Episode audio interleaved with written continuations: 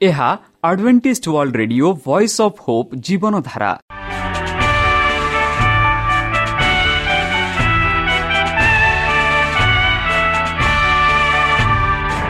Odia radio କାର୍ଯ୍ୟକ୍ରମ ଯାହା ଆମର ଆନ୍ତର୍ଜାତୀୟ ଆଘାତ କେନ୍ଦ୍ରରୁ ପ୍ରସାରଣ କରାଯାଉଛି ପ୍ରତିଦିନ ରାତି ନଅଟା ତିରିଶ ମିନିଟ୍ରେ। ମୁଁ ସୁବ୍ରତ କୁମାର ପତି ପ୍ରେମର ସହ ଆପଣମାନଙ୍କୁ ଏହି କାର୍ଯ୍ୟକ୍ରମକୁ ସ୍ୱାଗତ କରୁଅଛି। ଚାଲନ୍ତୁ ଆଜିର ତିରିଶ ମିନିଟ୍ର କାର୍ଯ୍ୟକ୍ରମ ବିଷୟରେ ଜାଣିନେବା। ପ୍ରଥମେ ରଖିଛୁ ଆଧ୍ୟାତ୍ମିକ ଭକ୍ତିମୟ ଗୀତ। ଏହାପରେ ଶୁଣିବା ସ୍ୱାସ୍ଥ୍ୟ ବିଷୟରେ ଯାହା ଆମର ଦୈନିକ ଜୀବନରେ ଅତ୍ୟନ୍ତ ଜରୁରୀ। ଆଉ ପରିଶେଷରେ ଶୁଣିବା ପରମେଶ୍ୱରଙ୍କ ଭକ୍ତଙ୍କଠାରୁ ଜୀବନଦାୟକ ଈଶ୍ୱରଙ୍କ ବାକ୍ୟ। ପ୍ରିୟ ଶ୍ରୋତା ତାହେଲେ ଚାଲନ୍ତୁ ଶୁଣିବା ଏକ ଆଧ୍ୟାତ୍ମିକ ଭକ୍ତିମୟ ଗୀତ।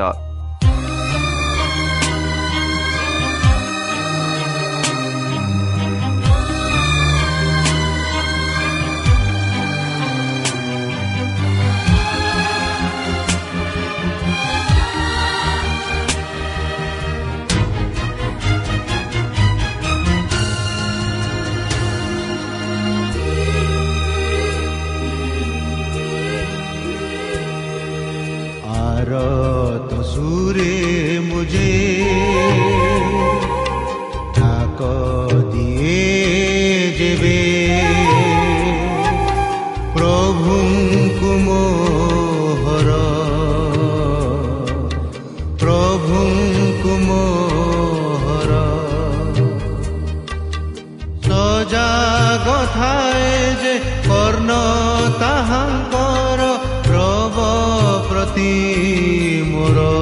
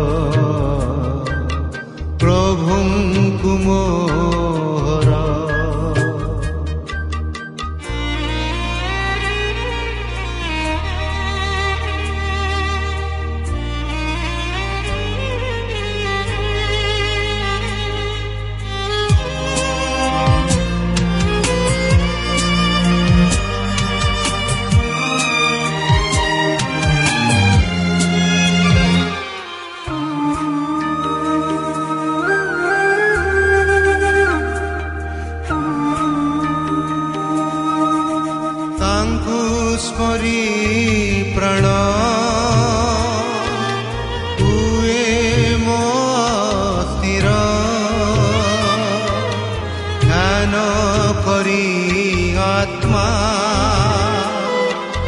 মূর্ছা যায় মর।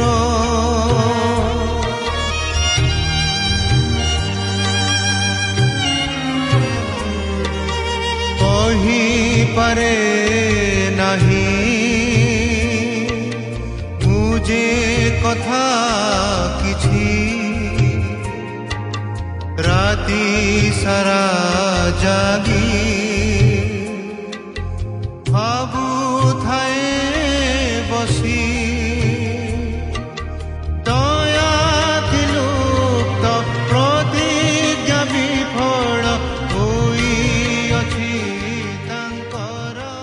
ଆପଣଙ୍କର ମତାମତ ଜଣାଇବା ପାଇଁ ଆମର ଏହି ଠିକଣାରେ ଯୋଗାଯୋଗ କରନ୍ତୁ ଆମ ଠିକଣା Adventist media centre SDA mission compound Salisbury park Pune ଚାରି ଏକ ଏକ ଶୂନ ତିନି ସାତ ମହାରାଷ୍ଟ୍ର ବା ଖୋଲନ୍ତୁ ଆମର ୱେବସାଇଟ୍ ଯେକୌଣସି Android phone smartphone desktop laptop କିମ୍ବା ଟ୍ୟାବ୍ଲେଟ୍ ଆମର website W W W dot A W R dot O R G slash O R I ଏବଂ W W W dot Adventist media centre India dot O R G ବର୍ତ୍ତମାନ ଚାଲନ୍ତୁ ଶୁଣିବା ଈଶ୍ୱରଙ୍କ ଭକ୍ତଙ୍କଠାରୁ ଈଶ୍ୱରଙ୍କ ଜୀବନଦାୟକ ବାକ୍ୟ ନୂଆ ଜେରୁସାଲମ ଭାଗ ଏକ ନମସ୍କାର ପ୍ରିୟ ଶ୍ରୋତା ସେହି ସର୍ବଶକ୍ତି ସର୍ବଜ୍ଞାନୀ ପ୍ରେମର ସାଗର ଦୟାମୟ ଅନ୍ତର୍ଜମୀ ଅନୁଗ୍ରହ ପରମ ପିତାଙ୍କ ମଧୁର ନାମରେ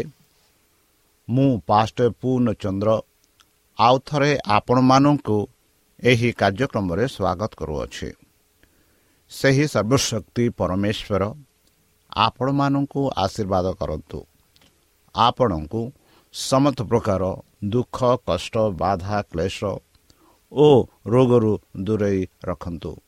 ଶତ୍ରୁ ସୟତାନ ହସ୍ତରୁ ସେ ଆପଣଙ୍କୁ ସୁରକ୍ଷାରେ ରଖନ୍ତୁ। ତାହାଙ୍କ ପ୍ରେମ ତାହାଙ୍କ ସ୍ନେହ ତାହାଙ୍କ କୃପା ତାହାଙ୍କ ଅନୁଗ୍ରହ ସଦାସର୍ବଦା ଆପଣଙ୍କଠାରେ ସହବର୍ତ୍ତୀ ରହୁ। ପ୍ରିୟସତା ଚାଲନ୍ତୁ ଆଜି ଆମ୍ଭେମାନେ କିଛି ସମୟ ପବିତ୍ର ଶାସ୍ତ୍ର ବାଇବଲଠୁ ତାହାଙ୍କ ଜୀବନଦାୟକ ବାକ୍ୟ ଧ୍ୟାନ କରିବା।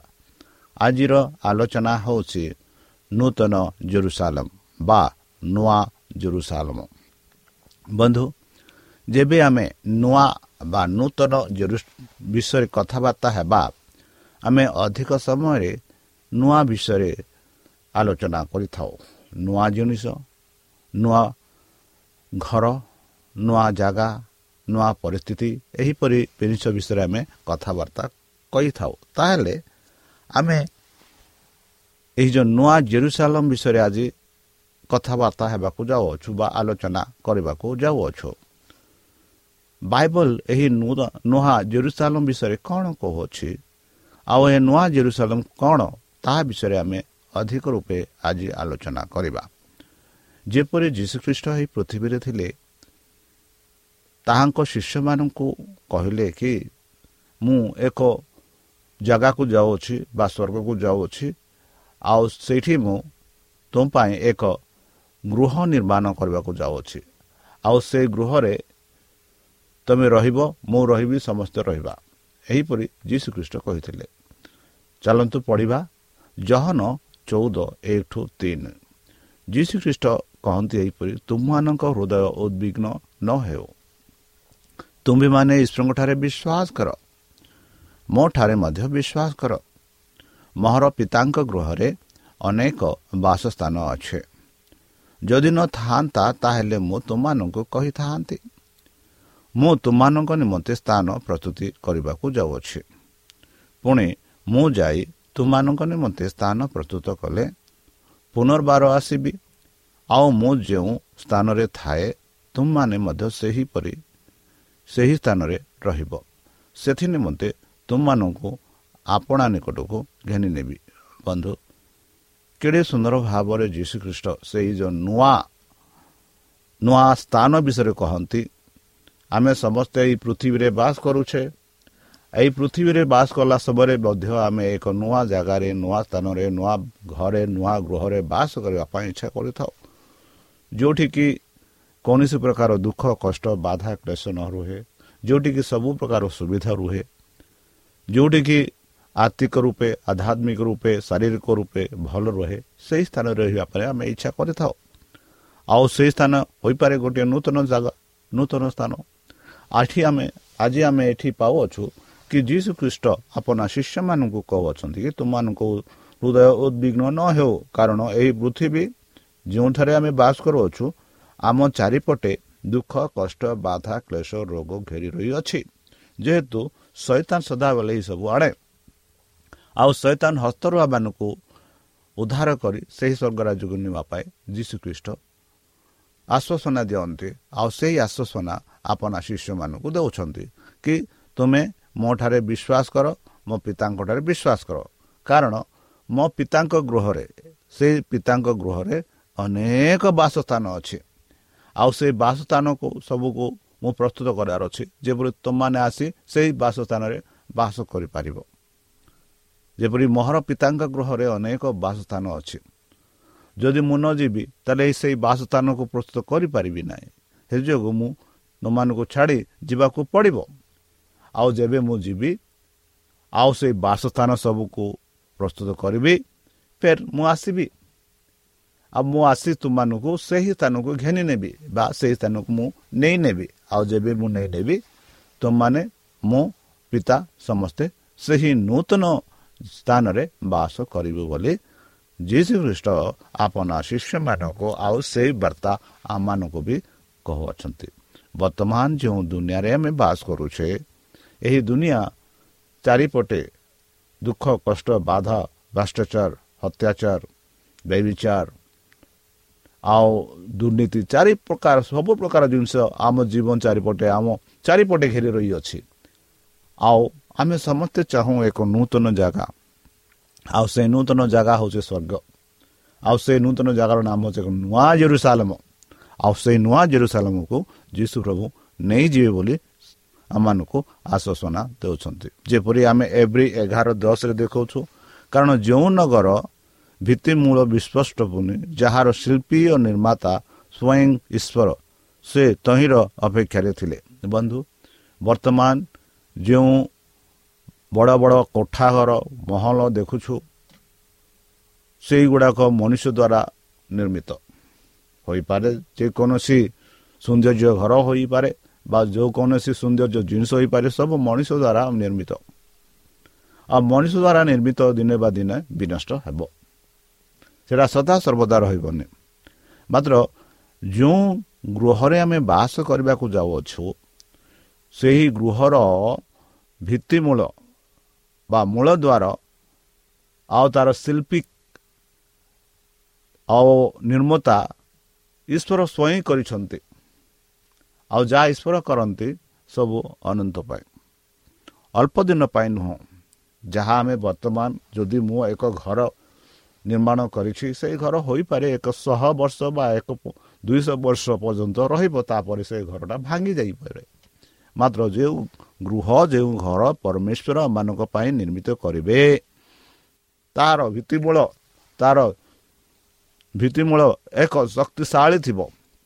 କାରଣ ତାର ଶିଳ୍ପୀ ତାର ନିର୍ମାଣକାରୀ ହେଉଛନ୍ତି ଈଶ୍ୱର। ଆଉ ଏହା ସାଧୁ ପାଲ ଜାଣନ୍ତି। ଆଉ ସେ ଜାଣି ସେ କହନ୍ତି କାରଣ ଯେଉଁ ନଗର ଭିତ୍ତିମୂଳ ବିଶିଷ୍ଟ ପୁଣି ଯାହାର ଶିଳ୍ପୀ ଓ ନିର୍ମତା ସ୍ୱୟଂ ଈଶ୍ୱର ସେ ତହିଁର ଅପେକ୍ଷାରେ ଥିଲେ। ବନ୍ଧୁ ଏଭ୍ରି ଏଗାର ଷୋହଳରେ ଆମେ ଆଉ ଥରେ ସାଧୁ ପାଉଲ ଏହିପରି କହନ୍ତି କିନ୍ତୁ ସେମାନେ ଗୋଟିଏ ଉତ୍କୃଷ୍ଟତର ଅର୍ଥାତ୍ ସ୍ୱର୍ଗୀୟ ଦେଶର ଆକାଂକ୍ଷା କହୁଥିଲେ।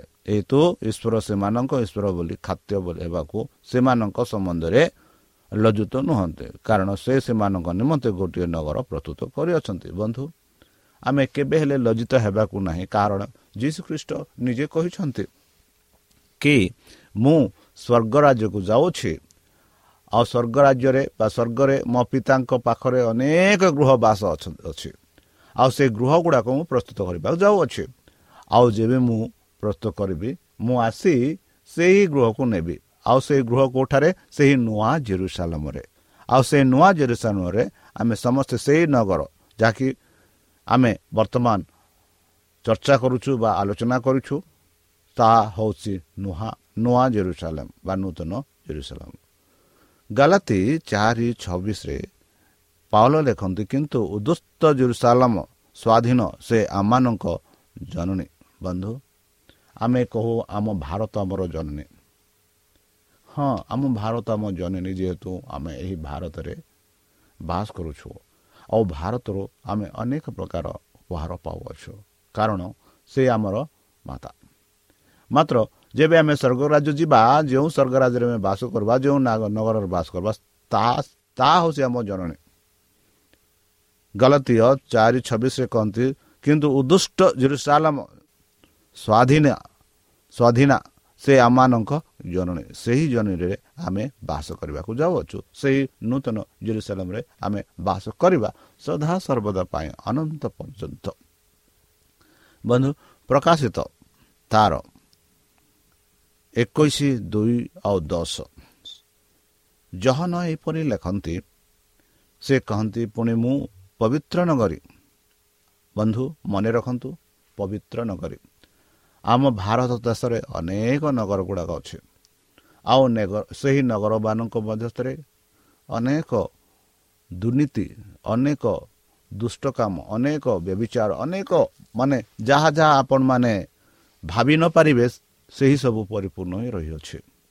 ମାତ୍ର ଏଠି ଆମେ ଦେଖୁଛୁ କି ଏକ ପବିତ୍ର ନଗରୀ ଯେଉଁ ନଗରରେ କୌଣସି ପାପ ହିଁ ନାହିଁ କି କୌଣସି ଲୋକ ପାପ ମଧ୍ୟ ପ୍ରବେଶ କରିନାହାନ୍ତି। ପାପି ପ୍ରବେଶ କରିନାହାନ୍ତି। ଅର୍ଥାତ୍ ନୂତନ ଜେରୁସାଲମକୁ ବର ନିମନ୍ତେ ସଜିତା କନ୍ୟାର ସଦୃଶ୍ୟ ପ୍ରସ୍ତୁତ ହୋଇ ସ୍ୱର୍ଗରୁ ଈଶ୍ୱରଙ୍କ ନିକଟକୁ ଅବରଣ କରିବାର ଦେଖିଲି। ବନ୍ଧୁ ଏଇଠି ଜହନ ଦେଖୁଛନ୍ତି ସେହି ପବିତ୍ର ନଗର।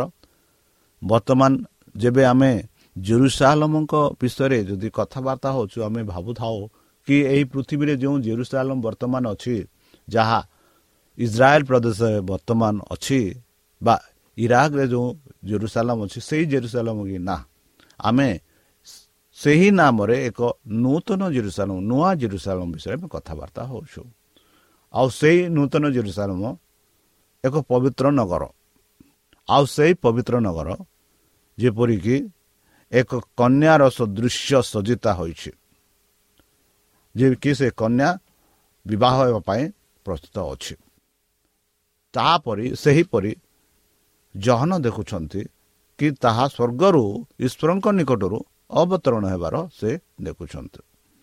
ଆଉ ସେ ଦେଖନ୍ତି ସେଥିରେ ସେ ମୋତେ ଆତ୍ମାରେ ଗୋଟିଏ ବୃହତ ଉଚ୍ଚ ପର୍ବତକୁ ଘେନିଯାଇ ପବିତ୍ର ନଗରୀ ଜେରୁସାଳମ ଦେଖାଇଲେ। ବନ୍ଧୁ ଆମେ ଦେଖୁଛୁ ଜହନ କେତେ ଭାଗ୍ୟବାନ ଥିଲେ କି ସେହି ନୂତନ ଜେରୁସାଲାମକୁ ସେ ଦେଖିଲେ। ଆମେମାନେ ସମସ୍ତେ ସେହି ନୂତନ ଜେରୁସାଲାମ ପାଇଁ ଆମେ ଅପେକ୍ଷାରେ ଅଛୁ। ଆଉ ଜହନ ଏହି ଦର୍ଶନ ପାଇଲେ। ଆଉ ସେହି ଜହନକୁ ସେ ଉଚ୍ଚ ପର୍ବତକୁ ନେଇ ସେ ଉଚ୍ଚ ପର୍ବତରୁ ସେହି ଜେରୁସାଲାମକୁ ଦେଖାଇଲେ। ବନ୍ଧୁ ସେହି ଜେରୁସାଲାମ ପବିତ୍ର ଜେରୁସାଲାମ ଯେଉଁଥିରେ ପବିତ୍ର ଲୋକ ହିଁ ବାସ କରିବେ। ଆଉ ସେହି ପବିତ୍ର ସ୍ଥାନରେ ହିଁ ଆମେ ସମସ୍ତେ ବାସ କରିବା ଯେହେତୁ ଯୀଶୁ ଖ୍ରୀଷ୍ଟ ନିଜେ ପ୍ରତିଜ୍ଞା କରି କହିଛନ୍ତି କି ତୁମ୍ଭମାନଙ୍କ ପାଇଁ ମୁଁ ଏକ ସ୍ଥାନ ପ୍ରସ୍ତୁତ କରିବାକୁ ଯାଉଅଛି। ଆଉ ଯେବେ ମୁଁ ସେହି ସ୍ଥାନ ପ୍ରସ୍ତୁତ କରିବି ଫେର୍ ମୁଁ ଆସିବି ଆଉ ତୁମମାନଙ୍କୁ ଘେଣି ନେବି। ଆଉ ଯେଉଁ ସ୍ଥାନରେ ମୁଁ ଥିବି ସେହି ସ୍ଥାନରେ ତୁମାନେ ଥିବ ବୋଲି ଯୀଶୁ ଖ୍ରୀଷ୍ଟ ଆଶ୍ୱାସନା ଦେଇ କହିଅଛନ୍ତି। ବନ୍ଧୁ ଆମେ ସେହି ସ୍ଥାନକୁ ଯିବା ପାଇଁ ଇଚ୍ଛା କରୁଛେ କି? ଯଦି ଆମେ ଇଚ୍ଛା କରୁଛୁ ତାହେଲେ ସେହି ତ୍ରାଣକର୍ତ୍ତା ଯୀଶୁଖ୍ରୀଷ୍ଟଙ୍କଠାରେ ବିଶ୍ୱାସ କରିବା ଉଚିତ। ତାହାଙ୍କ ଆଜ୍ଞା ମାନିବା ଉଚିତ।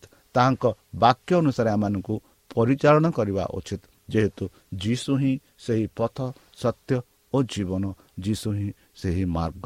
ଯଦି ଆମେ ଯୀଶୁକୁ ବିଶ୍ୱାସ କରୁନାହୁଁ ତାଙ୍କ କଥାରେ ଯଦି ବିଶ୍ୱାସ କରୁନାହୁଁ ତାଙ୍କ ମୃତ୍ୟୁରେ ଯଦି ବିଶ୍ୱାସ କରୁନୁ ତାଙ୍କ ଜୀବନରେ ଯଦି ବିଶ୍ୱାସ କରୁନୁ ତାହେଲେ ଏହି ଯେଉଁ ପବିତ୍ର ନଗରରେ ଆମେ ପ୍ରବେଶ କରିପାରିବା ନାହିଁ।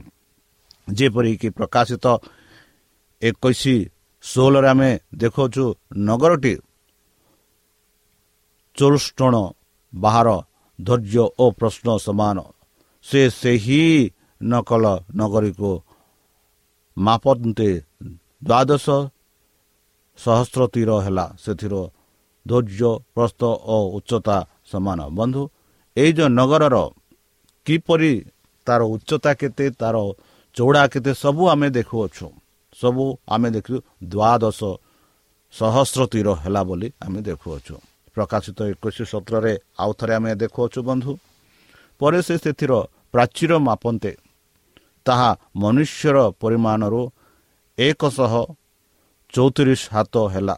ତ ସେ ଏହି ପରିଣାମ ସ୍ତରରେ ମାପୁଥିଲେ। ବନ୍ଧୁ ଆମେ ଏଇଠି ଯାହା ଦେଖୁଅଛୁ ବେଲେ ବେଲେ ଆମେ ଇତିହାସ ପଢ଼ିଲା ବେଳେ ଆମେ ଦେଖୁଛୁ ଆଉ ବର୍ତ୍ତମାନ ବି ଆମେ କହୁଅଛୁ କି ଭାରତ ଦେଶରେ କେଉଁ ସହର ସବୁଠୁ ବଡ଼ ସହର କେଉଁ ସହର ସବୁଠୁ ଛୋଟ ସହର କେଉଁ ସହରରେ ଜନସଂଖ୍ୟା ବହୁତ ଲୋକ ଅଛନ୍ତି କେଉଁ ସହରରେ ବହୁତ ଶିକ୍ଷିତ ଲୋକ ଅଛନ୍ତି କେଉଁ ସହରରେ ବହୁତ ଧନୀ ଲୋକ ଅଛନ୍ତି କେଉଁ ସହରରେ ବହୁତ ଅତ୍ୟାଚାର ହୁଏ ଆଉ ସେଇ ସହରରେ କ'ଣ କ'ଣ ଦେଖାଯାଏ? ସେଇ ଘର ସହରର ଯାହା ଆମେ ପରିବେଶ ଦେଖୁ ତାହା ବିଷୟରେ ଆମେ ଆଲୋଚନା କରିଥାଉ। ସେହିପରି ଆମେ ଏଠି ଦେଖୁଅଛୁ ପ୍ରକାଶିତ ଏକୋଇଶ ଷୋହଳ ସତର ଆଉ ଅଠର ଉଣେଇଶ ଯଦି ଆମେ ଦେଖିବା ସେଠି ଆମେ ଦେଖାଉଛୁ ଜହନ ସେହି ଯେଉଁ ପ୍ରାଚୁରୀ ସେହି ଯେଉଁ କାନ୍ଥ ସବୁ ସେ ମାପ କରି ଦେଖୁଛନ୍ତି କି ଏହାର ମାପ କେତେ ଏହାର ଚଉଡ଼ା କେତେ ସବୁ ଆମେ ଦେଖିଅଛୁ। ଯଦି ଆପଣଙ୍କର ସମୟ କିଛି ହେଉଛି ତାହେଲେ ପ୍ରକାଶିତ ଏକୋଇଶ ପର୍ବ ପଢ଼ନ୍ତୁ। ଯଦି ଆପଣ ପଢ଼ିବେ ଏଥିରେ ଆପଣମାନେ ସ୍ପଷ୍ଟ ରୂପେ ଜାଣିପାରିବେ କି ପରମେଶ୍ୱର ଜହନକୁ କିପରି କହିଲେ ଏଇ ଯେଉଁ ନଗରୀ ବିଷୟରେ ଯେଉଁ ନଗର ଏହି ପୃଥିବୀକୁ ଆସିବ ଯେଉଁ ନଗରରେ ସମସ୍ତେ ଉଦ୍ଧାର ହୋଇଥିବା ଲୋକ ସମସ୍ତେ ସେହି ନଗରରେ ବାସ କରିବେ। ଆଉ ସେହି ନଗରରେ ଯୀଶୁ ପ୍ରଭୁ ପିତା ପୁତ୍ର ଆଉ ଦୂତମାନେ ଥିବେ ଆଉ ସମସ୍ତେ ଥିବେ ଆଉ ସେମାନଙ୍କ ସହ ଆମମାନେ ବି ଥିବୁ। ଆଉ ସେହି ନଗର ବିଷୟରେ ଆମେ ଦେଖୁଅଛୁ। ଯାହା ଆମେ ପ୍ରକାଶିତ ଏକୋଇଶ ଅଠରରୁ ଅଠର ଆଉ ଏକୋଇଶରେ ଦେଖୁ ଏହିପରି ସେହି ପ୍ରାଚୀର ସୂର୍ଯ୍ୟକାନ୍ତ ମଣି ନିର୍ମିତ ଦେଖନ୍ତୁ ପ୍ରାଚୀର ଗୁଡ଼ାକ ସୂର୍ଯ୍ୟକାନ୍ତ ମଣି ଦ୍ୱାରା ନିର୍ମିତ ବୋଲି। କେତେ ସୌନ୍ଦର୍ଯ୍ୟ? ଯଦି ଆମେ ନଗରର ସୌନ୍ଦର୍ଯ୍ୟ ବିଷୟରେ କଥା ହେବା ଆମ ଭାରତ ଦେଶରେ ମଧ୍ୟ ଏମିତି ନଗର ଗୁଡ଼ାକ ଅଛି ସେଇ ନଗର ଗୁଡ଼ାକ ବହୁତ ସୁନ୍ଦର ଦେଖାଯାଏ। ସେମାନଙ୍କ ଶିଳ୍ପକାରୀ ସେମାନଙ୍କର ବଗିଚା ଏଇ ଯେଉଁ ଆମେ ଦେଖୁ ବର୍ତ୍ତମାନ ଯଦି ଆମେ ଦେଖିବା ସୌନ୍ଦର୍ଯ୍ୟ ଭାବରେ ଦେଖୁ ଆଉ ସେଇ ସୌନ୍ଦର୍ଯ୍ୟ ବିଷୟରେ ଆମେ ଦେଖୁଛୁ କି ସେଇ ଯେଉଁ ନୂଆ ଜେରୁସାଲାମର ପ୍ରାଚୀର ଗୁଡ଼ାକ ସୂର୍ଯ୍ୟକାନ୍ତ ମଣି ଦ୍ୱାରା ନିର୍ମିତ। ଆଉ ପୁଣି ନଗରଟି ନିର୍ମିଳ ନିର୍ମଳ କାଚ ପରି ଶୁଦ୍ଧ ସୁବର୍ଣ୍ଣ ନିର୍ମତା ବନ୍ଧୁ ନିର୍ମଳ କାଚ ପରି ଶୁଦ୍ଧ ସୁବର୍ଣ୍ଣ ନିର୍ମିତ କ'ଣ ନଗରଟି ଯାହା ଯେଉଁ ପଟେ ଆମେ ଦେଖିବା ବର୍ତ୍ତମାନ ଯଦି ଆମେ ଆମ ଭାରତ ଦେଶର ନଗରମାନଙ୍କୁ ପ୍ରବେଶ କରିବା ଆମ ଭାରତ ଦେଶରେ ଏମିତି ନଗର ଗୁଡ଼ାକ ଅଛି ବହୁତ ଅସୁସ୍ଥ। ଚାରିପଟେ ଅଲିଆ ଅଲିଆ ଆଉ ସେତେ ସୁସ୍ଥ ନ ଦେଖାଯାଏ। ସେତେ ସୁନ୍ଦର ଦେଖାଯାଏ ନା ଆଉ ଆମ ଭାରତ ଦେଶରେ ମଧ୍ୟ ଏମିତି କିଛି ନଗର ଗୁଡ଼ାକ ଅଛି ଯେଥିରେ ଆମେ ପ୍ରବେଶ କରିବା ଆମକୁ ଆମକୁ ବହୁତ ଖୁସି ଲାଗେ ଆଉ ଏଠି ଆମେ ଦେଖୁଅଛୁ କି ପ୍ରାଚୀର ଗୁଡ଼ାକ ସୂର୍ଯ୍ୟକାନ୍ତ ମଣି ଦ୍ୱାରା ନିର୍ମିତ ହୋଇଅଛି ଆଉ ଯେ ସାରା ନଗର ଶୁଦ୍ଧ ନିର୍ମଳ ସମ୍ପୂର୍ଣ୍ଣ ନିର୍ମତା ପରି କାଚ ପରି ଦେଖାଯାଉଛି ତାହା ନୁହେଁ ଦ୍ୱାଦଶ ଦ୍ୱାର ଦ୍ୱାଦଶ ମୁକ୍ତା। ତାର ଦ୍ୱାଦଶ ଦ୍ୱାର ଅଛି। ସେ ଦ୍ୱାର ବାର ଦ୍ୱାର ବାର ମୁକ୍ତାରେ ବ୍ରତ ହୋଇଅଛି। ବନ୍ଧୁ ପ୍ରତ୍ୟେକ ଦ୍ୱାର ଗୋଟିଏ ଗୋଟିଏ ମୁକ୍ତାରେ ନିର୍ମିତ। ପ୍ରତ୍ୟେକ ଦ୍ୱାର ଗୋଟିଏ ଗୋଟିଏ ଗୋଟିଏ ଗୋଟିଏ ମୁକ୍ତା। ବନ୍ଧୁ ମୁକ୍ତା ମଣି ଏଇ ଯେଉଁ ବହୁମୂଲ୍ୟ ଜିନିଷ ଆମେ ବେଲେ ବେଲେ ଦେଖି ନଥାଉ ମାତ୍ର ଆମେ ଯେବେ ସ୍ୱର୍ଗରାଜକୁ ଯିବା ଏଇ ଯେଉଁ ଦ୍ୱାର ଦ୍ୱାରା ଆମେ ପ୍ରବେଶ କରିବା ଏଇ ଦ୍ୱାର ଦ୍ୱାରା ଆମମାନେ ସମସ୍ତେ ଯୀଶୁଖ୍ରୀଷ୍ଟଙ୍କୁ ସାକ୍ଷାତ କରିବା ପାଇଁ ପ୍ରଭୁଙ୍କୁ ସାକ୍ଷାତ କରିବା ପାଇଁ ଦୂତମାନଙ୍କ ସହ ହାତ ମିଳାଇବା ପାଇଁ ଆମେ ସେହି ଦ୍ୱାର ଦଶ ଦ୍ୱାଦଶ ସେହି ମୁକ୍ତ ଦ୍ୱାର ଦ୍ୱାରା ଆମେ ପ୍ରବେଶ କରିବା। କେଡ଼େ ସୁନ୍ଦର କଥା ଏଇଟା ଆମେ ଯଦି ଆମ ଦ୍ୱାର ଆମେ ଯଦି ଆମ ଗାଁ ଗଳିକୁ ଯିବା ଏମିତି ଏମିତି କୁଡ଼ିଆ ଘରମାନଙ୍କୁ ଏମିତି ଦ୍ୱାର ବି ନାହିଁ କି ଯେଉଁଠିରେ କାଠ ଦୁପଟେ ରହିଥାଏ ଖାଲି ମାଟିରେ ଗଡ଼ିଥାଏ ଆଉ କେଉଁ କେଉଁ କୁଡ଼ିଆ ଘରରେ କିଛି ନାହିଁ ଖାଲି ଚାରିପଟେ କିଛି ଘେରାଇଥାନ୍ତି ମାତ୍ର ଯେବେ ଆମେ ସ୍ୱର୍ଗରାଜକୁ ଯିବା ବନ୍ଧୁ ଆମମାନେ ସମସ୍ତେ ସେହି ମୁକ୍ତା ଦ୍ୱାର ଦେଇ ପ୍ରବେଶ କରିବା ସ୍ୱର୍ଗରାଜ୍ୟକୁ ସେହି ନୂତନ ଜେରୁସାଲାମକୁ। କେତେ ସୌଭାଗ୍ୟର କଥା ଏଇଟା। ଯାହା ଆମେ ଭାବିନଥିବୁ ତାହା ଆମେ ସେହି ସମୟରେ ଅନୁଭବ କରିବୁ। ଯାହା ଆମେ ବର୍ତ୍ତମାନ ବର୍ଣ୍ଣନା କରି କହୁଅଛୁ ଯାହା ଆମେ ସ୍ୱପ୍ନ ଦେଖୁଛୁ ସେହି ସ୍ୱପ୍ନ ଆମେ ସେଇଥିରେ ସେହି ସମୟରେ ପରିପୂର୍ଣ୍ଣ କରିପାରିବା। ସେହି ସୁନାର ରାସ୍ତାରେ ଆମେ ଚାଲିବା। ଯେପରି ଆମେ ଦେଖୁଅଛୁ ସାରା ନଗର ଏକ ସମ୍ପୂର୍ଣ୍ଣ ନିର୍ମଳ କାଚ ପରି। ଆଉ ତାହାର ବାର ବାର ଦ୍ୱାଦଶ ଦ୍ୱାଦଶ ଦ୍ୱାର ଆଉ ସେଇ ଦ୍ୱାଦଶ ଦ୍ୱାର ଦ୍ୱାର ବାର ମୁକ୍ତା ସହ ନିର୍ମାଣ ନିର୍ମିତ ହୋଇଅଛି ନିର୍ମାଣ ହୋଇଅଛି। ଆଉ ପଥର ନଗରୀର ପଥ ସ୍ୱସ୍ଥ କାଛ ସଦୃଶ ଶୁଦ୍ଧ ସମ୍ପୂର୍ଣ୍ଣ ସେ ପଥ ସ୍ୱସ୍ଥ କାଛ ସଦୃଶ ଶୁଦ୍ଧ ସୁବର୍ଣ୍ଣ ନିର୍ମିତ ବନ୍ଧୁ ଆମେମାନେ ସମସ୍ତେ ଏହି ପୃଥିବୀରେ ବାସ କରୁଛୁ ବେଲେ ବେଲେ ଆମେ ଯଦି ଗାଁ ଗହଲି ସଡ଼କ ଦେଇ ଯାତ୍ରା କରୁ ଆମେ ଦେଖୁଛୁ ଆମେ ଅନୁଭବ କରିଥିବୁ ମାତ୍ର ବର୍ତ୍ତମାନ ଯେଉଁ ଅନୁଭବ ଆମେ କରିବାକୁ ଯାଉଅଛୁ ଯେବେ ଆମେ ସ୍ୱର୍ଗରାଜକୁ ଯିବା ଏକ ସୌନ୍ଦର୍ଯ୍ୟ ଅନୁଭବ ଆମେ ସେହି ଯେଉଁ ଶୁଦ୍ଧ ସୁବର୍ଣ୍ଣ କାଚ ସ୍ୱସ୍ଥ କାଛ ସେହି ପଥ ଦେଇ ଆମେ ଚାଲିବା ବୋଲି ପବିତ୍ର ଶାସ୍ତ୍ର ଆମମାନଙ୍କୁ କହୁଅଛି। ତାହେଲେ ଆପଣମାନେ କ'ଣ ସେହି ସୁଯୋଗ ପାଇଁ ଅପେକ୍ଷା କରୁଛନ୍ତି କି? ତାହେଲେ ଚାଲନ୍ତୁ। ଯୀଶୁଖ୍ରୀଷ୍ଟଙ୍କ ଠାରେ ଆମେ ବିଶ୍ୱାସ କରିବା ଯେହେତୁ ସେ ହିଁ ଆମମାନଙ୍କୁ ସେହି ପଥରେ ନେଇପାରିବ ସେ ହିଁ ଆମର ମାର୍ଗ। ତାହେଲେ ପ୍ରିୟ ଶ୍ରୋତା ଚାଲନ୍ତୁ ସେହି ଯୀଶୁଖ୍ରୀଷ୍ଟଙ୍କ ନାମରେ ଆମେ ବିଶ୍ୱାସ କରି। ଆମ ଜୀବନ ସବୁ କିଛି ତାଙ୍କ ହସ୍ତରେ ସମର୍ପଣ କରି ତାହାଙ୍କ ମଧୁର ନାମରେ ଆମେ ପ୍ରାର୍ଥନା ଅର୍ପଣ କରିବା। ହେ ଆମମାନଙ୍କ ସର୍ବଶକ୍ତି ସର୍ବଜ୍ଞାନୀ ପ୍ରେମର ସାଗର ଦୟାମୟ ଆନ୍ତର୍ଜମୀ ଅନୁଗ୍ରହ ପରମ ପିତା ଧନ୍ୟବାଦ ଅର୍ପଣ କରୁଛୁ ପ୍ରଭୁ ବର୍ତ୍ତମାନ ଯେଉଁ ବାକ୍ୟ ତୁମ ସେହି ଭକ୍ତମାନଙ୍କୁ ଶୁଣାଇଲେ ସେହି ବାକ୍ୟ ଅନୁସାରେ ଏମାନଙ୍କୁ ଚାଲିବା ପାଇଁ ବୁଦ୍ଧିରେ ଜ୍ଞାନରେ ଶକ୍ତିରେ ପରିପୂର୍ଣ୍ଣ କର। ଆମ ପାପ ସବୁ ତୁମ ସେହି ବହୁମୂଲ୍ୟ ରକ୍ତରେ ପରିଷ୍କାର ରୂପେ ଧୋଇବେ। ଆଉ ପରିଶେଷ ଯେବେ ତୁମ୍ଭେ ତୁମ୍ଭ ସେହି ସହସ୍ର ଦୂତଙ୍କ ସହ ଆସିବେ ସେତେବେଳେ ଆମମାନଙ୍କୁ ଏକ ବାସସ୍ଥାନ ଦିଅ ବୋଲି ତ୍ରାଣକର୍ତ୍ତା ପ୍ରଭୁ ଯୀଶୁଙ୍କ ମଧୁରମୟ ନାମରେ ଏହି ଛୋଟ ବିକ୍ଷମ ଅଛି ଶୁଣି ଗ୍ରହଣ କର। ଆମେନ୍।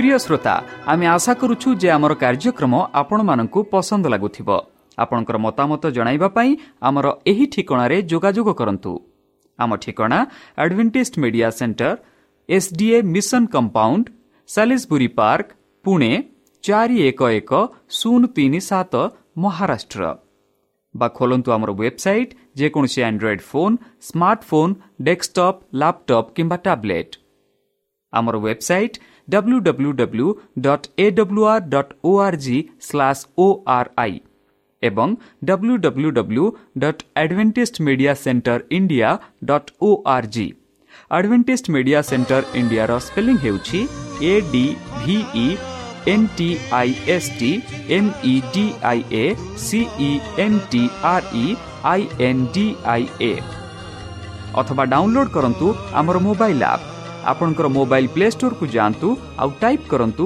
ଦ ଭଏସ୍ ଅଫ୍ ହୋପ୍ ଆଉ ଡାଉନଲୋଡ୍ କରନ୍ତୁ। ଈଶ୍ୱର ଆପଣଙ୍କୁ ଆଶୀର୍ବାଦ କରନ୍ତୁ।